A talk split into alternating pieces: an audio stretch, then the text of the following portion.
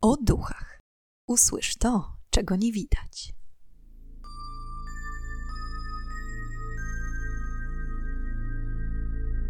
Witam i pytam, czego dusza pragnie. Strasznie miło mi gościć Was na moim kanale.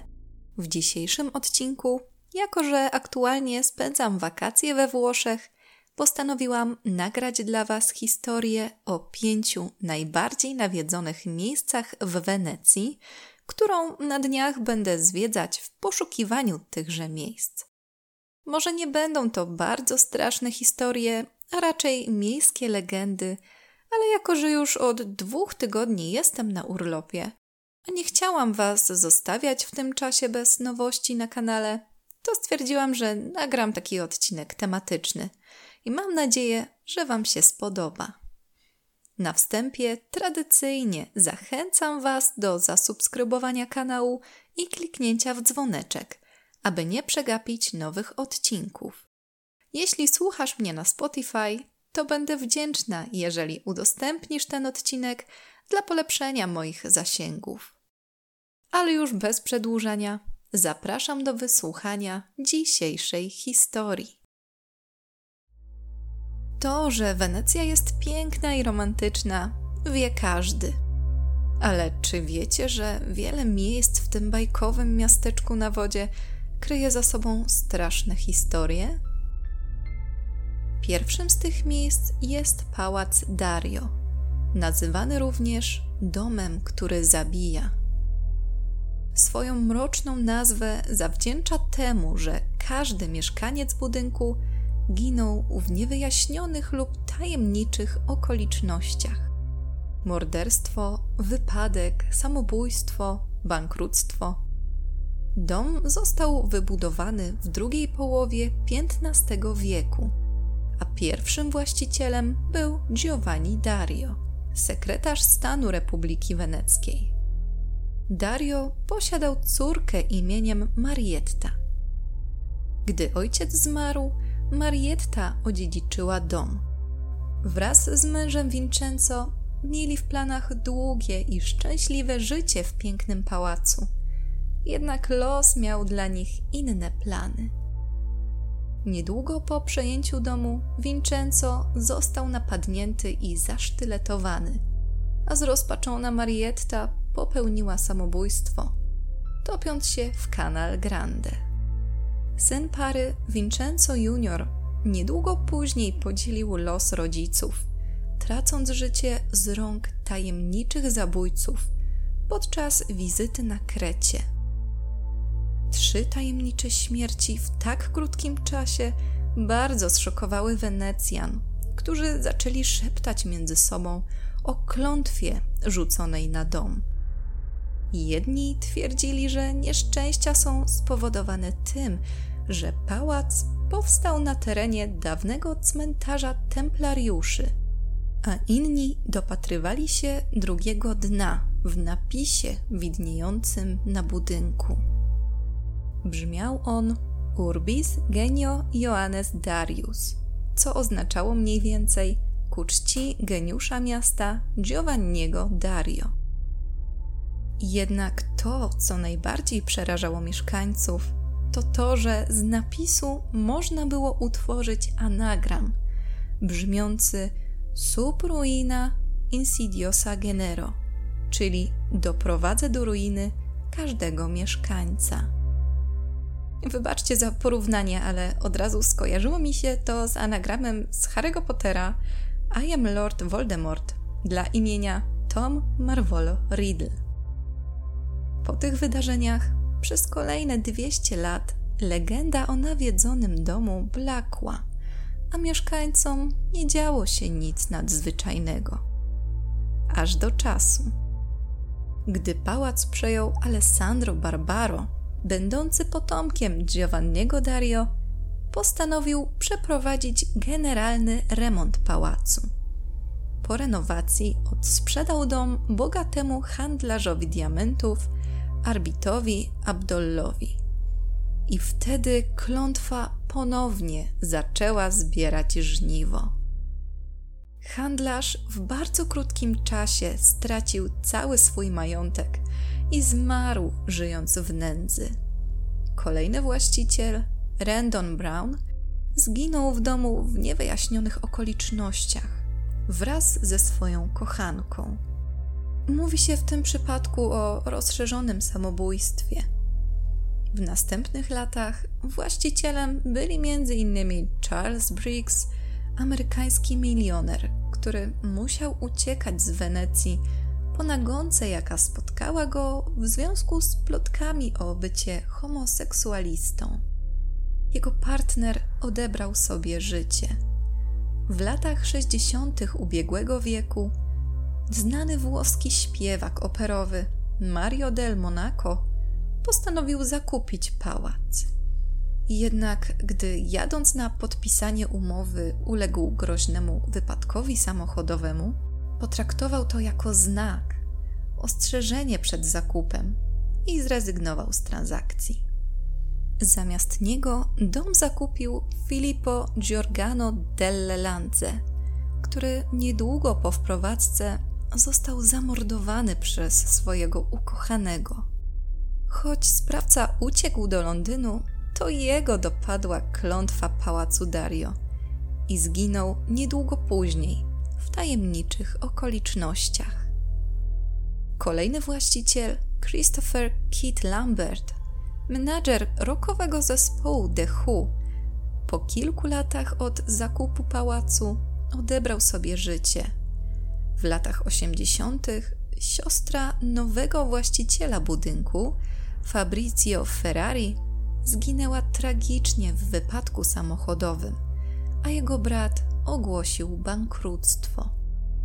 Natomiast w latach 90.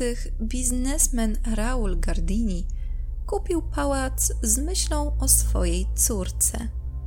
Niedługo potem Gardini zaangażował się w aferę finansową i stracił większość majątku. On również popełnił samobójstwo strzałem w głowę w Mediolanie. Przenosząc się do nowego tysiąclecia, dochodziły głosy, że pałacem był zainteresowany Woody Allen. Jednak po usłyszeniu okropnych legend krążących wokół domu, szybko wybił sobie ten pomysł z głowy. Ostatnia niespodziewana śmierć najemcy nastąpiła w 2002 roku. Basista wspomnianego wcześniej zespołu The Who, John Entwistle, zmarł na zawał tydzień po wynajęciu pałacu. Obecnie pałac należy do jednej z amerykańskich firm. Nic nie wiadomo o dziwnych przypadkach od tego czasu. I oby tak pozostało. Drugim miejscem w dzisiejszej historii jest wyspa Powelia. Malutka wysepka znajdująca się między Wenecją a Lido uważana jest przez wielu za najbardziej nawiedzoną wyspę we Włoszech. Jej historia jest bardzo długa oraz naznaczona pasmem ludzkich cierpień. Początkowo, po upadku Cesarstwa Rzymskiego, Powelia służyła jako port. Później, w XIV wieku, po wybuchu epidemii dżumy, wyspę zamieniono na umieralnię dla chorych. Czarna śmierć, jak wiadomo, była jedną z największych epidemii w dziejach ludzkości, zabierając z sobą nawet do 200 milionów ludzi, głównie w Europie, zmniejszając jednocześnie populację o około 30 do 60%. Na samej Poweli podobno miało zginąć 160 tysięcy osób. Niestety, każdy, kto odbył podróż gondolą na wyspę, wiedział, że jest to podróż w jedną stronę. Nikt nie wrócił z poweli zdrowy. Izolacja miała na celu oczywiście odcięcie chorych od stałego lądu, na którym znajdowali się zdrowi. W tamtym czasie na wyspie powstało wiele masowych grobów w wykopanych wcześniej rowach które podobno do dziś są zapełnione kośćmi i nie trzeba daleko szukać, aby natrafić na szczątki. Ogólnie powierzchnia całej wyspy może stanowić nawet w 50% popiół z ludzkich szkieletów. Jednak epidemia czarnej śmierci nie była jedynym czasem ludzkiego cierpienia na wyspie. W XIX wieku Powelia zaczęła służyć jako prowizoryczny szpital dla psychicznie chorych. Powodem izolacji pacjentów miał być brak miejsc w istniejących już szpitalach na lądzie. Po przetransportowaniu chorych na wyspę, w mieście zaczęto dużo plotkować na temat nieludzkich eksperymentów i tortur prowadzonych przez jednego z lekarzy na pacjentach. Finalnie, przytłoczony trapiącym go poczuciem winy, lekarz również miał postradać zmysły i rzucić się z wieży stojącej przy wjeździe na wyspę. Niektórzy miejscowi opowiadali, że to duchy zmarłych pacjentów namieszały lekarzowi w głowie, a następnie zepchnęły z wysokości. Podobno do dziś nocą słychać odgłos dzwonu bijącego z wyspy, mimo iż został on zdemontowany już wiele lat temu. W połowie lat 70. wyspa została już całkowicie opuszczona. Miejscowi woleli omijać szerokim łukiem Powelię, nazywając ją Wyspą Bez Powrotu lub Wyspą Śmierci. I otwarcie twierdząc, że Powelia, naznaczona tak ogromną stratą ludzkich istnień, musi być przeklęta.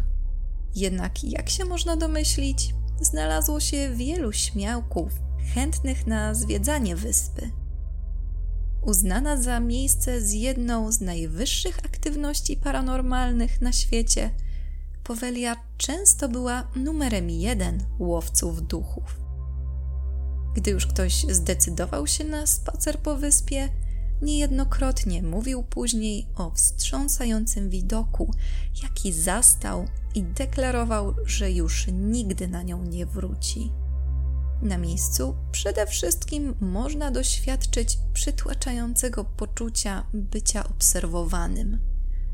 Ponadto zwiedzającym często znikąd pojawiały się zadrapania na całym ciele, a niewidzialna siła popychała ich na ściany i inne elementy budynków. Słyszeli także dziwne dźwięki i jęki rozpaczy i prośby o pomoc. Niejednokrotnie również widzieli ducha szalonego lekarza, który ma być najbardziej brutalnym bytem na wyspie. W 2014 roku Powelia została wystawiona na sprzedaż, a wcześniej całkowicie zamknięta dla turystów. Wyspę Śmierci kupił włoski biznesmen Luigi Brugnaro, który podobno planuje wybudować na wyspie luksusowy kurort i zapraszać wczasowiczów z całego świata. Przyznam, że jest to dość odważna decyzja, jednak jak wiadomo, nie brakuje sceptyków mających za nic aktywność paranormalną. I jak widać, za nic szacunek dla osób cierpiących w tym miejscu przed laty. Trzecim miejscem w dzisiejszej historii będzie Casino degli Spiriti, czyli kasyno duchów. Wybudowany w XVI wieku piękny budynek początkowo należał do Józefa Contariniego, słynnego kardynała. Nieco oddalony od centrum miasta, przez stulecia zyskiwał miano przeklętego pałacu. Niepokojące dźwięki w towarzystwie lekkiego szumu wód weneckich sprawiły, że mieszkańcy niechętnie przechodzili obok budynku.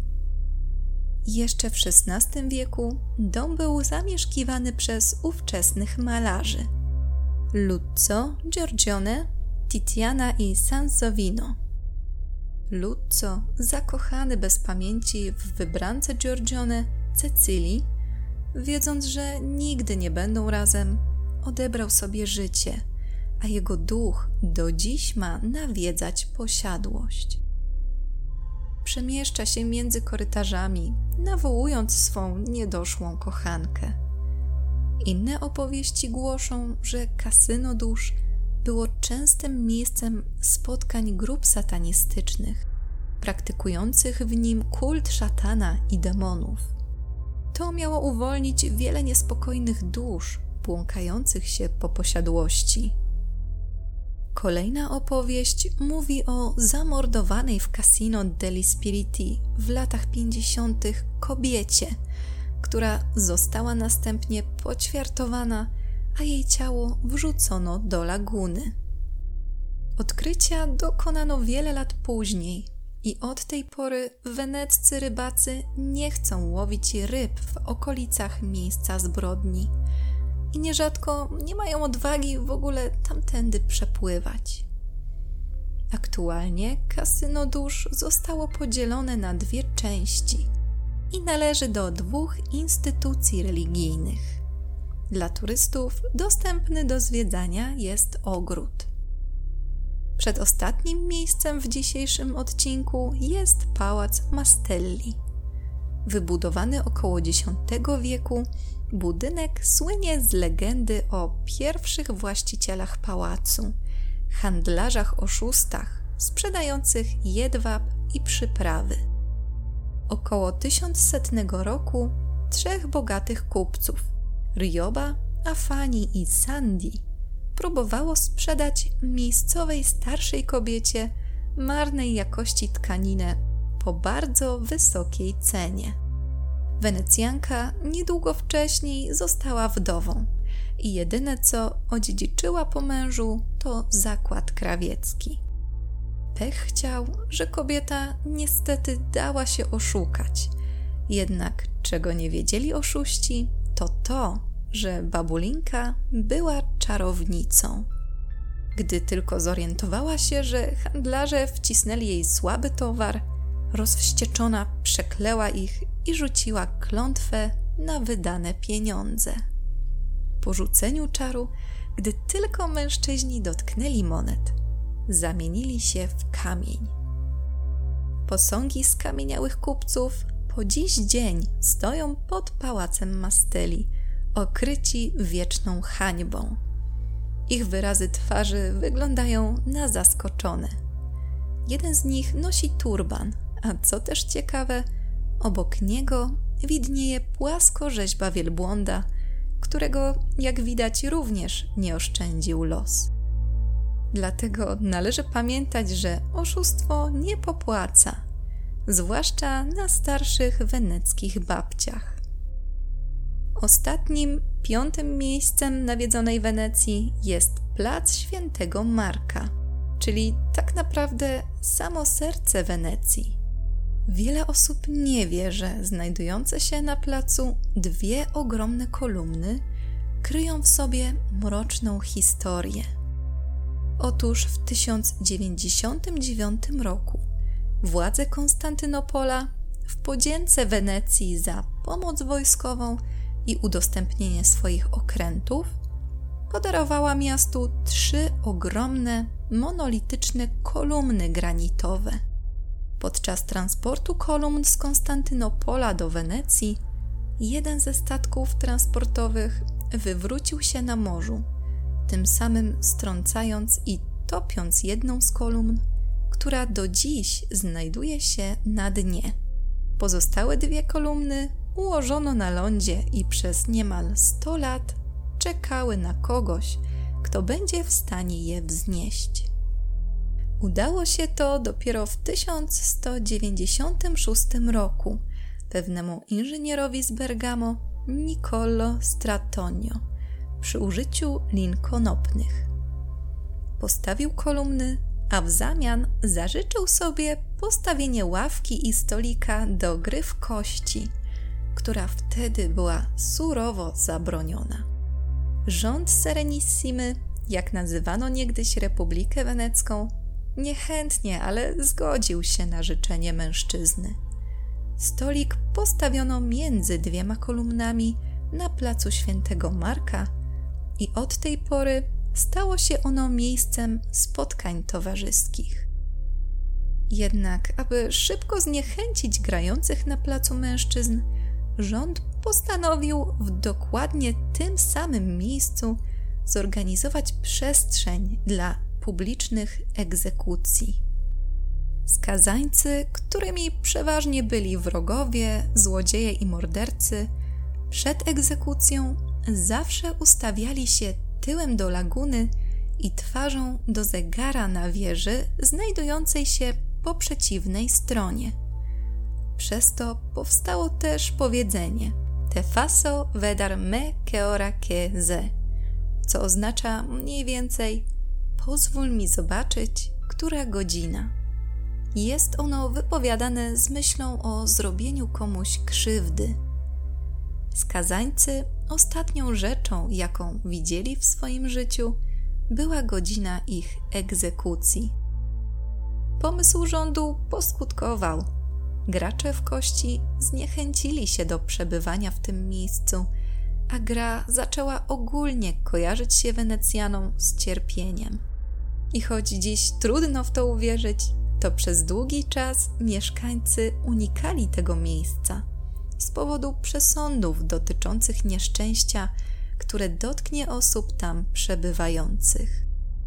Niccolò Stratonio, który wzniósł kolumny na placu Świętego Marka, był tak zafascynowany całą sytuacją i strachem wokół kolumn, że postanowił zmienić swoje nazwisko na Barattieri, skąd pochodzi rodzina mająca w herbie trzy kości. I jest to koniec dzisiejszej historii o nawiedzonej Wenecji. Mam nadzieję, że ten lżejszy, tematyczny odcinek również Wam przypadł do gustu. A jeśli jesteście ciekawi, czy udało mi się znaleźć któreś z opisywanych dziś miejsc, to koniecznie wpadnijcie na moje social media, na które wrzucę relacje z wizyty w Wenecji. A już teraz zapraszam Was na kolejny odcinek podcastu o duchach, w którym ponownie zadamy pytanie, czego tym razem dusza zapragnie. Do usłyszenia